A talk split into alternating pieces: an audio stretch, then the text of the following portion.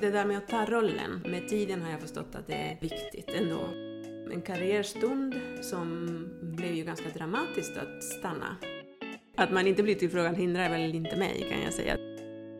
Det här är Architecture Talks, där jag, Mimmi Strömbäck, möter våra mest framstående arkitekter för att höra om deras resa och syn på arkitektur. I detta avsnitt möter jag Carmen Izquierdo, den första kvinnan att vinna Casper Salonpriset. Hon berättar om uppväxten i Spanien som på många sätt la grunden till hennes framgångar på Spaniens mest ansedda byråer. År 2003 flyttade hon till Sverige och i brist på jobb valde hon att delta i tävlingen för Lunds domkyrkoforum. Och det här blev starten för ett helt nytt kapitel i hennes karriär. På podcastens Instagram Architecture Talk kan du se bilder på allt det vi pratar om i avsnitten. Så glöm inte att även gå in och följa där. Hej Carmen och välkommen till Architecture Talks. Just nu är vi här på Essentials kontor. Kan du berätta lite hur en dag ser ut här? Vi är som en liten familj, vi är fem personer. Och eh, vi arbetar väldigt tätt ihop. Det är ju mest Marianne och jag som följer upp frågorna utåt. Eh, och sen arbetar vi med resten av medarbetarna här på kontoret i diverse frågor. Det finns ingen särskild struktur. Det blir väldigt mycket att man tar kaffe när man känner att man vill ha ta kaffe. Ja. man vill ha det och så vidare. Det finns inga sådana här fikastunder, strukturer och sådär i det lilla kontoret. Det känns mer som en, ett löpande eh, arbete och samtal kan man säga. Um, så hur hittade ni varandra? Hur hittade ni teamet? Det, det är organiskt framvuxet eh, kan man säga. Det, det beror på alltså, grundkärnan i Mariano ja. Eh, vi startade 2017 som kontor. Och det gjorde vi genom att ehm, eh, dela lokal i första början. Eh, det, när vi hade lämnat våra respektive anställningar och startade firma på varsitt håll. Eh, också flera stycken. Vi var fem som delade lokal från början. Var och en hade sin egen firma. Mm.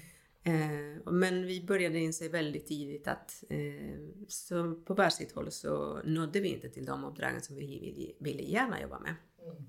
Och däremot som team kunde vi eh, presentera oss på ett helt annat sätt och eh, det startade med att vi fick ett uppdrag tillsammans, ett flerbostadshus på Årstafältet och mm. Eh, sedan kom det fler. Och eh, allt eftersom vi har behövt eh, medarbetare så... Den första medarbetaren var en, en, en, fransman som kom förbi kontoret och knackade på dörren och sa “Behöver ni någon?” och då, då passade det bra och han stannade. Så det var så vi började ta in folk. Det var inte genomtänkt när vi, när vi hittar medarbetare, det brukar vara för att de har sökt sig till oss. Mm. Det finns då redan en gemensam grund. Någonstans har man hittat att det man gör är intressant mm. och eh, vill man gärna ansluta sig till och då blir det mycket, mycket enkelt. Det är inte sällan att de har varit studenter till mig till mm. exempel. Mm. Som, eh, så vi känner varandra och vi, vi förstår att, eh, att vi kan arbeta ihop. Men vill du berätta lite mer om din uppväxt i Madrid? Hur såg livet ut för dig där? Min uppväxt kan man säga var inte bara i Madrid utan det var också eh, på landet. De semestermånaderna de tillbringade vi på landet i norra Spanien där mamma kommer ifrån i en liten by som ursprungligen var eh, en bondby. Och i Madrid var det tillvaron väldigt eh, arrangerat. All, alla minuter på dagen skulle man göra någonting. Eh, mycket aktiviteter. Mm. Eh, när vi var barn så handlade det väldigt mycket om att klara av skoltiden och sen så startade kvällsaktiviteterna och det kunde vara eh, varannan dag språk och judo, var tredje dag simning och musik och resten av tiden var ju ballett. Det var det jag gjorde. Jag dansade mycket ballett. Från när jag var tre tills jag var säkerligen 20. Då lämnade jag fullständigt det för arkitekturen som tog över alltid eh, och energi. Och det var bra att det gjorde det också. Saknar du det någonting? Balletten? Jag tror det faktiskt. Det, det är liksom det är svårt att säga om jag saknar, om jag saknar det sådär eh, i, i den takten eller, eller i den omfattning som, som jag gjorde det då. Men jag gläds i alla fall i att, att gå och titta på dans och ballett. Det, det blev naturligt att lämna det eh, för att bli en publik istället för att bli den som utövar dansen. För att det kräver ju så mycket träning, det kräver ju så mycket kontinuitet i, i ens träning så att eh, det, det kändes som att det fanns andra, andra saker man skulle göra före. Så. Eh, Men hur märkte du då att du började ha intresse för arkitektur? Jag tror att jag skyldig min pappa detta. Det, det är ju så att den nyfikenheten och den, ehm, den, eh, den världen öppnade han kanske för mig. För att han var ju väldigt intresserad av exempelvis traditions, eh, byggnadskonst, traditionella byggnader. Eh, han var nyfiken för allt eh, som eh, handlade om, om, bygga, eh, om att bygga. Och eh, tack vare honom så blev vi också nyfikna på, på detta. Och när man kommer från en liten by som han gjorde så tror jag att man är van vid att behöva göra allting själv. Och, eh, och då förstår man hur man sätter ihop eh, saker, hur man liksom eh, lagar, hur man tillverkar, hur man arbetar med material, hur man eh, sågar och så vidare. Så att det finns där en, en, liksom, en enkelhet, en, en direkthet i det som är behovet och det som man behöver göra. Och eh, han kunde hitta massa utflykter som han själv var intresserad av, och kanske titta på en by någonstans och då satte oss alla kusiner i, bilen och eh, körde. Och när vi kom fram så brukade vi alltid anlända i någon, någon liten bys lilla torg och han kom ut och frågade var är hantverkaren i den här byn? Och sen så visade det sig att det kanske var någon metallhantverkare som lagade eh, bjällror för boskap och dit gick vi alla och tittade hur det där gick till. Och eh, det var fantastiska roliga utflykter. Vi först var ju Eh, tyckte att det var pinsamt att pappa frågade sådär. Men, Ja. men eh, så snart man kom in i ett sådan miljö där man, eh, där man såg den där hantverkaren så, och, och dess, eh, dess sätt att, att, att göra saker, då blev man helt fascinerad. Men eh, många tillfällen, till exempel man körde runt i byarna och det var någon som höll på med att mura en stenmur. Då stannade vi genast och skulle ner och titta vad, vad det innebär att prata med den där personen och förstå hur det där, eh, den där arbetet det skulle genomföras och vad som var viktigt. Hur man, eh, hur man skulle mura de skikterna man skulle mura, hur det skulle ihopsättas för att inte rasa och hur det skulle stabiliseras, hur man arbetar med stenen. Vi kunde fråga allt möjligt. Han låter ju som en fantastisk person, din pappa.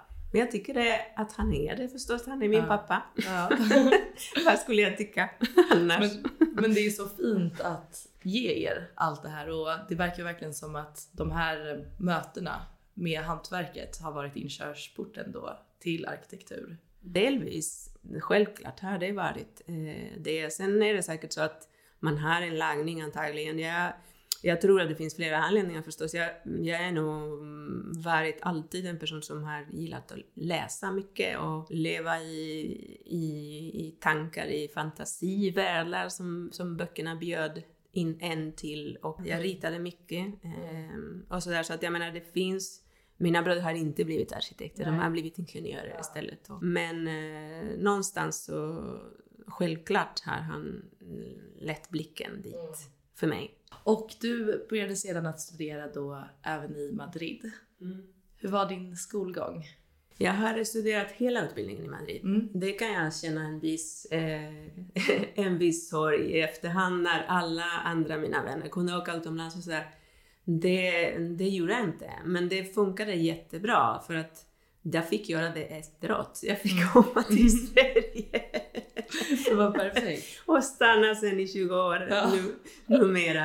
Eh, nej men eh, jag reste jättemycket utomlands också eh, som, som student för att titta på arkitektur och även för att då besöka de vännerna som du pluggar utomlands. Nej men eh, jag pluggade hela utbildningen i Madrid och det är, det är Tekniska högskolan. Ehm, det innebär då att i svenska mm, översättning blir man som arkitekt blir man även byggnadsingenjör och konstruktör. Var du li- lika nyfiken under din studieperiod och lika aktiv som i din ungdom? Jag tror att under studietiden mm, var jag absolut minst lika aktiv, men det var väldigt riktad mot eh, arkitektur därför att utbildningen krävde det av, av, eh, av oss. Vi hann inte med så mycket mer. Det är kanske därför då alla arkitekter har väldigt många arkitektvänner, därför att Mm. vi, vi hinner inte med annat. Eh, I alla fall i Spanien gjorde vi inte det. Eh, och då, det bildades jättestarka vänskapsband och vi tillbr- tillbringade så mycket tid tillsammans och löste problem tillsammans och eh, glädje oss av att besöka platser tillsammans och blev jättehärliga resor. De finaste minnena är från de utbildningsresorna, eller studieresorna som vi gjorde till många olika ställen. New York var det, vi pratade om, om det nyss innan vi startade. Eh, men Le Corbusier-resa eller Alto-resa eller ja, men i Spanien reste vi väldigt mycket runt förstås och tittade på både traditionell arkitektur och ny arkitektur. Jag hade en sån eh, tur, tycker jag, att ha fantastiska lärare. Eh, de, I arkitekturskolan i Madrid, det, det fanns ju de, de bästa arkitekterna fanns där som lärare, praktik, praktiker. Det var de som byggde. De som, eh, som blev eh, valda i tävlingar, de som, eh, som, som har byggt en Spanien som man ser idag byggdes under 90-talet och 2000-talet var, var våra lärare. Häftigt. Och eh, man kan ju, många utav dem känns, är kända namn utomlands, till exempel Emilio Tuñón är en sådan. Eh, Iñaki Avalos var en annan utav mina lärare, fantastisk person och lärare. Eh, Javier Segui var en av mina första lärare med formanalys. Det var, det var han som, som lärde oss vad genuslogi var för någonting. Förstå plats. ehm, och leva in oss i platsen och ja, känna av vad är det som är karaktärsgivande, atmosfärisk och eh, ja, men liksom gräva, gräva vad är det den här platsen här att eh, här, vad, hur kan jag komplettera den här platsen? Ja, men eh, det, är, det är roligt det där för att det, det är också, du har frågat vid något tillfälle det här med eh, eh, om, om eh, man har saknat kanske kvinnor i utbildningen. Och jag, jag, tycker att, jag tycker inte att jag tänkte så, i sådana banor då. Eh, jag tycker att vi alla blev lika behandlade och eh, att vi var så otroligt många tjejer i studierna. Så det kändes verkligen inte som att vi saknade just eh, lärarrollen eh, i form av, av en kvinnlig lärare utan eh, vi, vi kände inte det då. Liksom. Sen tycker jag det är intressant som fråga att, att där, de där förebilderna verkar viktiga i, i dagens, utifrån dagens perspektiv och, och det, det är säkert så. Jag förstår. Men där får man ju lov att säga att du är en stor kvinnlig förebild för många inom arkitektur. Som har eh, varit första kvinna att få Kasper Sahlin-priset. Du har varit även handledare på KTH. Nej, under min tid på KTH så har jag faktiskt bara haft en kvinnlig handledare. Eh, så att du har ju tagit den rollen, även fast det är omedvetet. Ja, men absolut. Jag tror att det, där har du något intressant. Som liksom det där med att ta rollen. Tror jag det, det är där som eh, med tiden har jag förstått att det, att det är viktigt ändå. Mm. Att om jag tänker tillbaka till mina, eh, mina vänner i Spanien, de som har tagit rollen i ledande sammanhang eh, och i universitetet. Så, så finns ändå kanske inte så många som har gjort det. Och, eh, och därför så, så tänker jag, jo, men det är viktigt Mm. med de förebilderna. Och eh, jo, om jag kan så ska jag göra det. Mm. Eh, men kanske inte av den anledningen. Jag, jag tyckte ju alltid att det var från början, tänker jag. Ja. Men sen har jag känt att det var, det var intressant ur det perspektivet Mm. när vi har börjat diskutera de frågorna i de banorna på KTH. Det var ju först kanske 2017 som man började diskutera i de banorna och, in, och eh, etablera en, en eh, medveten, medvetet arbete med referensval och sådär för att få fram de kvinnliga förebilderna för att de finns i historien. De är inte så lätta att gräva fram. Inte alla gånger har de blivit ehm, eh, publicerade och så vidare men det, men det är klart de finns. Det här med att vinna Kasper Sahlin-priset har betytt ändå en, en form av eh, bekräftelse som har gjort att jag har vuxit i, i, i kanske självförtroende och har, har känt att jag kunde ta på mig den typen av, av, av arbete. Det pedagogiska arbetet har jag tyckt var fascinerande eh, och svårt. Fascinerande för att man är tvungen att, eh, att eh, verkligen formulera sina tankar på ett sätt som någon annan förstår. Det är inte samma sak som att sitta och rita. Man tänker och man, språket är ritning och man behöver inte uttala med ord det som man tänker utan det kommer liksom ut i någon form av projekt ja, så småningom. Men, eh, och det är väldigt annorlunda än samtalet man kan föra på kontoret med medarbetare och, och bygga upp hur man, hur man tänker i metod för att då lära ut den metoden är väldigt intressant, har varit väldigt intressant. Och sen har jag tyckt att det var fantastiskt eh, just den typen av samtal som, som kan föras med studenter. Att man kan följa frågeställningar som, eh, som kommer med nya generationer och som gör att man riktar blicken på, på annat sätt är, är väldigt intressant. Och sen har jag tyckt också det var otroligt belönande att få visa studenter komma tillbaka och säga det här var väldigt behjälpligt eller Eh, och, och, nu har jag förstått det här, eller det här har öppnat för mig, den här väggen och så vidare. Det, det har varit fantastiskt just de stunderna när man har känt att man har bidragit till eh, någons ögonöppning. Ja. Har du någon, något sånt som du återkommer till? Något tips eller någon kommentar? Mitt... Eh, mitt arbetssätt handlar ju väldigt mycket om att bygga upp det där metodiska arbetet och eh, hur man då kan göra relevant arkitektur i ett sammanhang och hur man då utgår från platsen väldigt mycket. Så egentligen det jag lär är hur jag arbetar själv. Men vi spolar tillbaks bandet lite. Du träffar din man Andreas mm. i Madrid och du flyttar till Stockholm. Hur är livet då? Och vad, hur utvecklar det sig här? För det är här du har stannat sen.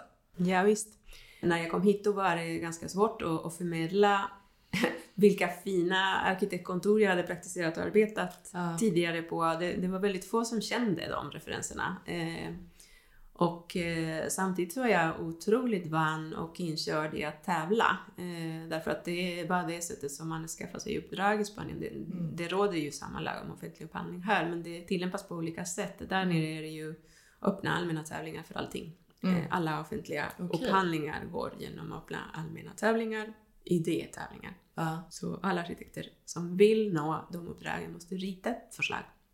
Häftigt ändå. Men mycket jobb. Det är mycket jobb, uh. men det är risktagande, uh, men verkligen. det är också så att man ställer arkitektur mot arkitektur och inte eh, administrativa handlingar mot administrativa handlingar. Det är, det är verkligen det sättet jag tror att utveckla arkitektur på, eh, när man faktiskt kan ställa förslag mot förslag. Ja. Eh, I vilket fall så då, då, då liksom, ja, men är svårt, är svårt att få jobb vid tillfälle. Jag ringer runt väldigt många. Och det var också lågkonjunktur. Eh, mm. Och det var också då som den här utlysningen om arkitekturtävlingen för Lunds domkyrkoforumet mm. kom ut. Och det var hösten 2003, säger jag. Så det var precis när du hade kommit hit? Ja, så jag gick ju på Svenska för invandrare och gjorde den där tävlingen under tiden som, eh, som den hösten eh, liksom pågick. Jag minns att det var en, en, den första snön kom den första november. Jag bodde på Fyrverkarbacken och eh, den morgonen jag vaknade upp ögonen och så hela Riddarfjärden med snö tyckte jag var, hade liksom dött och, och vaknat i himlen eller någonting. Det var så otroligt konstigt. Ja. märklig, fantastisk bild. Eh, så då kände jag, men, men den här platsen, här kan jag bo länge. det, är väldigt vackert liksom. Nej men, eh, men det gav ju, ja, det, det, var lite speciellt den där, den där tävlingen för jag hade jobbat så länge på kontor. Jag hade jobbat i tre år på Mariano Vallons arkitektkontor. Jag hade handlagt jättestora hus, mm. teaterhus eh, för scenkonst i Salamanca. Jag hade handlagt en permanent cirkus i Madrid. Båda var uppåt mot 14 000 kvadratmeter, inne, innehöll jättekomplext program. I, i Madrid-fallet så väldigt många byggnader, vissa som skulle byggas om, andra som skulle läggas till och så vidare. Så det var komplexa projekt. Ja. Väldigt krävande projekt. Och jag ansvarade på kontoret också för att fördela arbetet. Så jag var, jag var eh, rutinerad och liksom i, kanske i en, in, i en, liksom, en karriärstund som blev ju ganska dramatiskt att stanna. Ja. Eh, ja, du hade på. ju fått väldigt stort ansvar trots att du precis hade tagit examen egentligen. Ja. Ja. Det bygger ju också på att du hade jobbat mycket under dina studier. Så var det. Jag hade ju ändå skaffat mig ganska mycket erfarenhet mm. eh, av alla praktik praktikplatserna som jag hade ändå tagit på mig eh, under utbildningen. Jag praktiserade hela, nästan hela tiden sen mm. årskurs fyra. När man jobbar hos någon så agerar man lite utifrån den, den arkitektens eh, syn på saker och ting. Så här måste jag ta ställning, vad är min syn då? Och det tecknade sig i det förslaget ja. och det, det, blev ju så roligt när den vann. Ja. Eh, för att då, då startade det för mig en möjlighet. Dels var jag redan pank vid mars när den där kom ut, så det, det gav i alla fall lite pengar att fortsätta bo mm. i Sverige på. Och eh, sen gav det ju en start för ett verksamhet. Så när den där tävlingen eh, blev vinst, eh, då blev det också massa jobb och roligt jobb. Men då bedrev du din egen firma? Ja, det var, det var visst jag själv. Ja, exakt. Men du gjorde det helt på egen hand? Ja, jag gjorde det på egen hand med väldigt mycket hjälp av Andreas. Lustiga möten där jag inte riktigt begrep hälften och att jag agerade utåt eh, som en spansk arkitekt skulle jag ha gjort och Andreas parerade med sin diplomatiska svenska hur, hur, kan en, hur han än kunde göra och, eh, och fick ihop en bra stämning på mötena. Men det var ju mest Det är en bra jag, dynamik ändå. Ja, det blev ju bra. Jag, jag, spelade också lite spelet för att kunna få fram mm, det jag ville. Eh, det var ganska svårt för mig att förstå hur en eh, ventilationskonsult hade lika mycket gehör i mötena än vad jag kunde ha när egentligen jag var den styrande rösten i Madrid för några månader sedan. Och jag förstår det. Alla andra dansade min dans och eh, så det blev liksom en, en otrolig inlärningsprocess, hela den här första projekteringen och anpassning och förståelse för den, den eh, liksom arbetskulturen som rådde här. Och med Domkyrkoforum så berättade du förut att projektets detaljrikedom gjorde att processen blev ganska utdragen. Det var dels att det var högkonjunktur när det kom ut på förfrågning, dels att det var ett projekt som var skapat från den arkitekturproduktion som jag mest kände till, eh, som bygger på att man kan bygga lösningar utifrån diverse hantverkare som engagerar sig i produktion. Och det som händer i Sverige är ofta så att det är ju snarare färdiga produkter och industriellt producerade lösningar som, som eh, används först och sen kanske kompletterar man med en viss hantverks, exempelvis i taksammanhanget. Och i andra omgången, där, 2009, eh, blev jag tillfrågad att eh, rita då utifrån ett nytt program.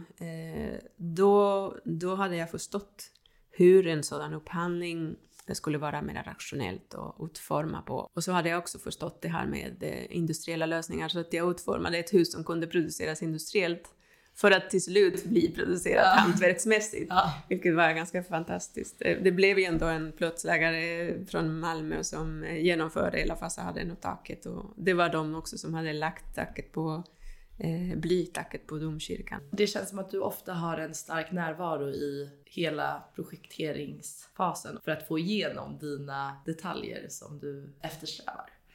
Ja, jag, jag, tycker att det är ändå viktigt att som arkitekt att inte bara släppa en handling hos någon annan som får ta ansvar över det, utan min liksom utgångspunkt är att jag ansvarar för den arkitekturen. Och eh, för att kunna ansvara för det behöver jag också vara med att att utforma hela vägen i, i detaljering och genomförandet. Och det finns många olika sätt att göra det på, men eh, att följa upp processen hela vägen i underbyggnation är mm, ja, men avgörande för att det, det blir bra. Så att jag försöker, det, det, är inte alla gånger som man blir eh, tillfrågad eller inbjuden eller eh, ens tillåten. För att man inte blir tillfrågad hindrar väl inte mig kan jag säga. Det, jag frågar själv annars. Men det gör jag ju. Jag brukar titta på, det, på byggarnas tidsplaner och, eh, och vet precis när de ska handla trappor och då ringer jag lite innan och säger men de där trapporna, när kommer de? När ska vi titta på hur eh, produktionsritningar ser ut och sådär. Så att jag är på. Men eh, inte alla gånger är, är liksom gynnsamt ekonomiskt, men eh, det är definitivt gynnsamt för projektet. Hur använder du din kompetens inom konstruktion i din arkitektur idag? Som verksam arkitekt i Sverige så använder jag inte den eh, officiellt, om Mm. man säger så. Det finns ju alltid en rollkonstruktör, men det är klart att det ger mig verktyg för att utforma med en viss frihet och en, en eh, men att ha med en genomförbarhet från idéskede. Mm. Därför att man tänker ju redan eh, i de termerna, hur ska saker och ting hållas Mm. ihop, mått, Mm.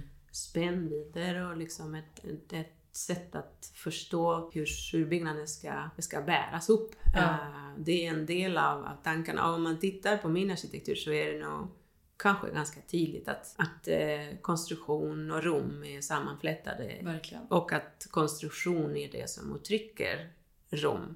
Om jag får göra det, inte Mm. alla gånger får jag det, men det, det är den, det är kännetecknande. Och, eh, eh, och, och jag tycker väldigt mycket om att arbeta på det sättet. Jag tycker inte Mm. om att sär, särskilja eh, de två världarna. Som man dras in i om man nu jobbar mm, på det här sättet. Så man delar byggnadsdelar i Mm. Sverige. Man delar liksom etapper av man delar konsultansvar eh, på, ett, på ett sätt som, som innebär att man kan då, ja men som arkitektur blir det ju svårt att samordna sig. Det går, det går bra, men ibland är det lättare för en byggare att säga men nej, men tänk inte på det där, då kommer en konstruktör ska se till att, att få in konstruktionen innanför det som du har ritat. Mm. Men det blir inte alls på samma sätt. Det blir inte... Angående att du jobbade med arkitektskolan när du jobbade på Tam Videgård. Hur kändes det sen att jobba på arkitektskolan i de lokalerna som du själv hade varit med att rita? Ja, men det kändes härligt. Jag, jag jobbade som eh, lärare på den gamla arkitekturskolan i ett år. Och sen Mm. så flyttade vi över till den nya arkitekturskolan eh, i ett år. Det är väldigt många som är kritiska mot den där byggnaden. Man har liksom haft eh, alla möjliga kommentarer. Men, men det roliga är att studenterna var eh, väldigt nöjda med sina lokaler och det, det ligger nära hjärtat. Eh, det som är väldigt fint med den, eh, den nya placeringen är egentligen att skolan ligger mitt i campus. Och det finns ett, en möjlig utbyte med andra eh, institutioner. Sen fanns det väldigt mycket utmaningar när man flyttar från större lokaler in i mindre lokaler. Och Det är liksom bara det är, är lite frustrerande för många. Ett rum som jag tycker väldigt mycket om är verkstaden alltså, Mm. och verkstadsgården. Eh, jag tycker att det är en väldigt trevlig miljö där just. Och när jag har sett hur studenterna jobbar där, det känns ju jättehärligt. Det är väldigt härligt. Ritsalarna är väldigt härliga. Och man sitter med studenterna och tittar ut i den där otroliga miljön som man har runt omkring. Kan liksom känna de där äh, härliga tegelmurarna nära. Och kommer man lite högre upp så hör man den där äh, fantastiska utsikten från takterrassen. Är man i huset och rör man sig i huset så får man väldigt många olika rumsliga upplevelser i den. Men är det någonting som du märkte när du jobbade där att det här hade jag velat göra annorlunda?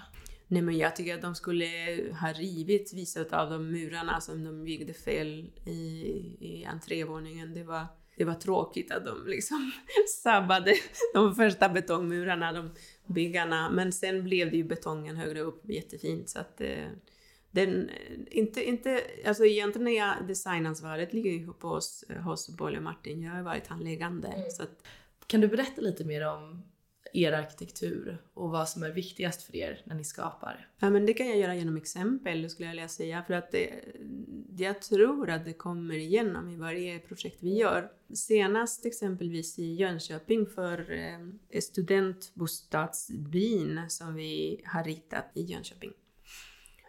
I det, I det projektet så var det egentligen frågan eh, rita 330 bostäder för studenter. Då är det inte bara hus man ritar, man ritar ett sammanhang, man ritar ett område. I det här fallet så fanns det ett väldigt fint naturområde. Det fanns eh, odlingsplatser, det fanns eh, 50-tals vackra vilor och, eh, och eh, orörliga ekar runt omkring. Det fanns ett industri och handelsplats lite längre ner, så väldigt varierat kan man säga. Eh, kuperad terräng och eh, en, en beställare som vill förstås eh, få det en produktionsenkelt. Eh, det innebär hur upprepning är viktig då. Eh, och där arbetade vi ju då utifrån platsen förstås. Det gör vi alltid. Det är en av våra grunder. Eh, och eh, hur då placera de här husgrupperna i landskapet eh, för att skapa de mellanrummen som skulle kunna användas för eh, dels eh, angöring och eh, parkering, men också hur man skulle skapa de där samlande platserna som behövs för att skapa sammanhang när man placerar hus.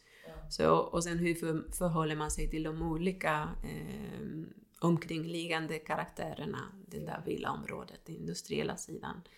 Hur man eh, då följer gatan när det är i anslutning till ett längre bebyggelse och större bebyggelse till väster om eh, tomten. Hur man liksom sparade, vi koncentrerade bebyggelsen för att skapa två gaturum och eh, sparade natur i den mån som man kunde spara natur på två utav eh, två stora delar på tomten. Och sen så anlade vi en eh, så, som vi kallade odlingsallé längs med eh, uppåt eh, i slänten. Så att man, man samlade flödena i mitten.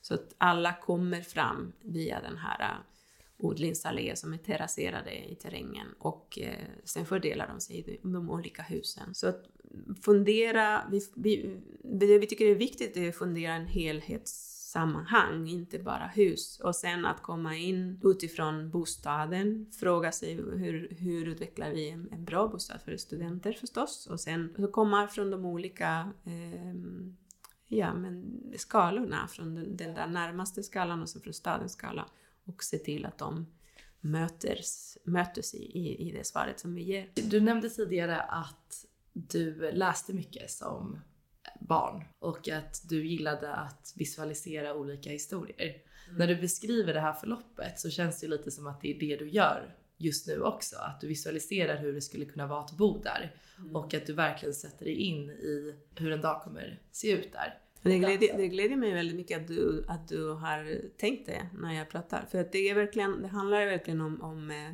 om det. Det, det handlar verkligen om en inlevelseförmåga tycker jag. Det, det här med att kunna eh, förstå vilka som ska bo, eller vilka som ska arbeta, liksom, träna och kunna liksom föreställa sig de här människornas behov och eh, mm, skaffa förutsättningar för att de ska trivas just i det, i det sammanhanget.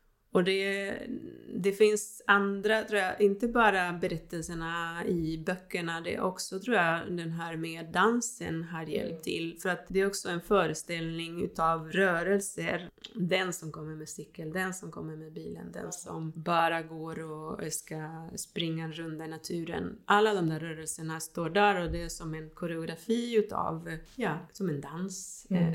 Ja, det är det. Det är ett samspel mellan alla olika ja, delar. Om man om man kan visualisera det så kan man också skapa de platserna där de här äh, samlever ja, någonstans. Ja. Liksom. Men har du några fler projekt så, som har betytt väldigt mycket?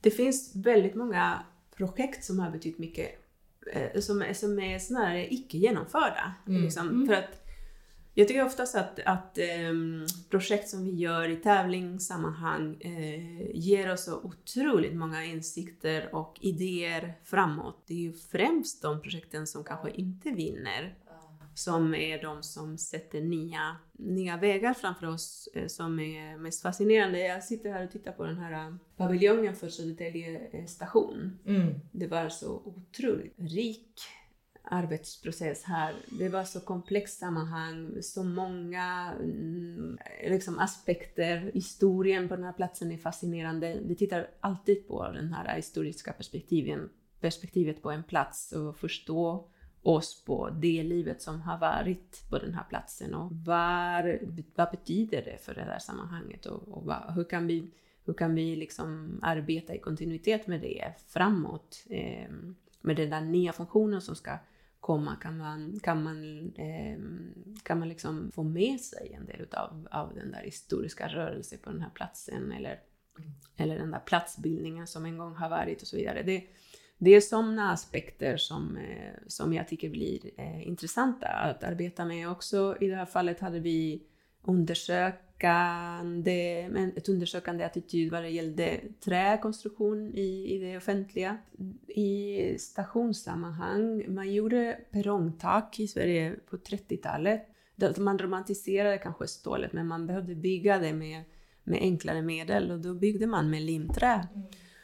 Och eh, det var så självklart eh, präglande för den här platsen, den här eh, perrongtaket. Så att vi, vi utgick från den rumsligheten men mm. så behövde vi översätta det egentligen i dagens produktionsmetoder och eh, idag är det rätt så utbrett med konstruktion i CLT och det är ganska fantastiskt tycker jag vilken typ av uttryck den ger. Det är som skivor utav trä och eh, istället för att då jobba med limträpelare och limträbågar så jobbade vi med en CLT som då kan man laserskära, eh, eller inte laserskära, det, det här är liksom ja, men såga helt enkelt. Ja med eh, form av eh, valv och följa de där, den där typen av rum som då perrongtaket visade det blir ändå ett annat typ av rumslighet där man kopplar samman eh, den, de strukturerna bredvid varandra. Man kan stänga rum istället för att ha en pelare och sen utgrävande tak. Det blir mer av,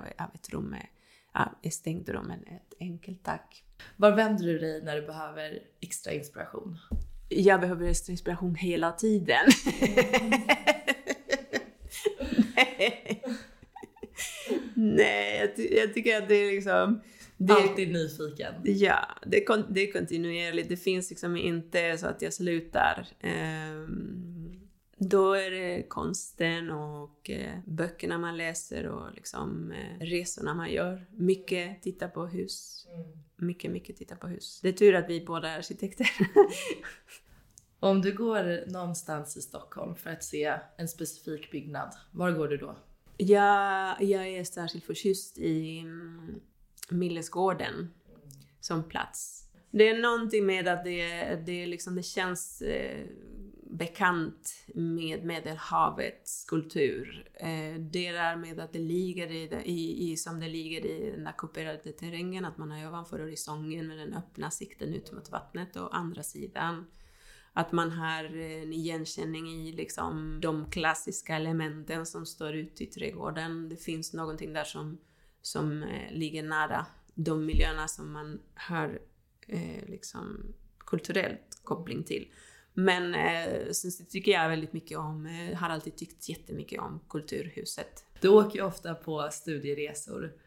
Vilken är den perfekta resedestinationen när du ska kolla på arkitektur?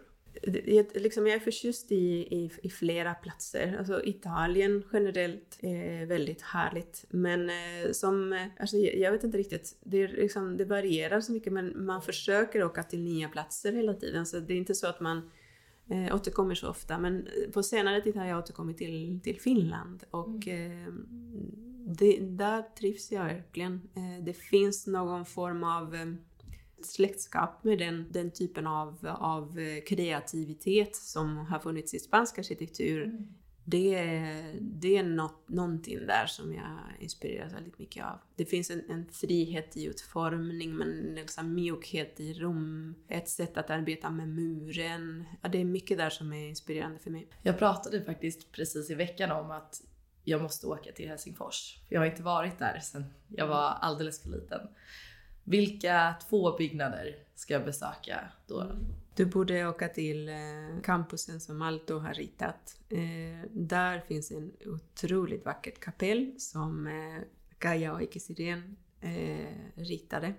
Den är ju, den, den kan inte du missa. Eh, och sen det, det som är Dipoli Student Union heter det där huset. Eh, det ritades av Raili och Reima Pietilä och den är fascinerande.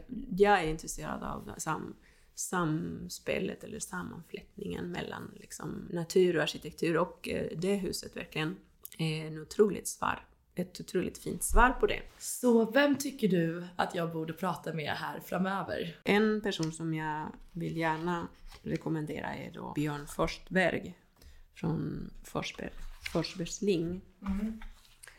Eh, jag tycker att de, de gör en rejäl, ett rejält bra jobb. Eh, och sen Per Nadén tycker jag också är väldigt intressant. Eh, han han arbetar med sin bror som då är snickare och de är så nära genomför, genomförandet. Och det genomsyras i, i de husen som de bygger, som de är otroligt fint byggda. Och även tycker jag eh, Hanna Mikkelsen eh, skulle jag vilja eh, rekommendera för intervju. Hon, har också, hon finns också representerad i den här boken om du har lust att titta jättegärna kolla i. Mm. Så det här är alltså Träpriset 2020 som ja, det... vi har framför oss. Och då 2020 så var du även ordförande i juryn. Det var jag. Det, det, blir alltid så att man besöker de projekten som har blivit sållade och sedan eh, får man en visning av arkitekterna och diskuterar projekten med dem. Och då fastnade de här? De, de projekten fastnade verkligen. Eh, de är, de är helt otroliga. Men då får jag tacka dig för ett jättehärligt samtal. Tack!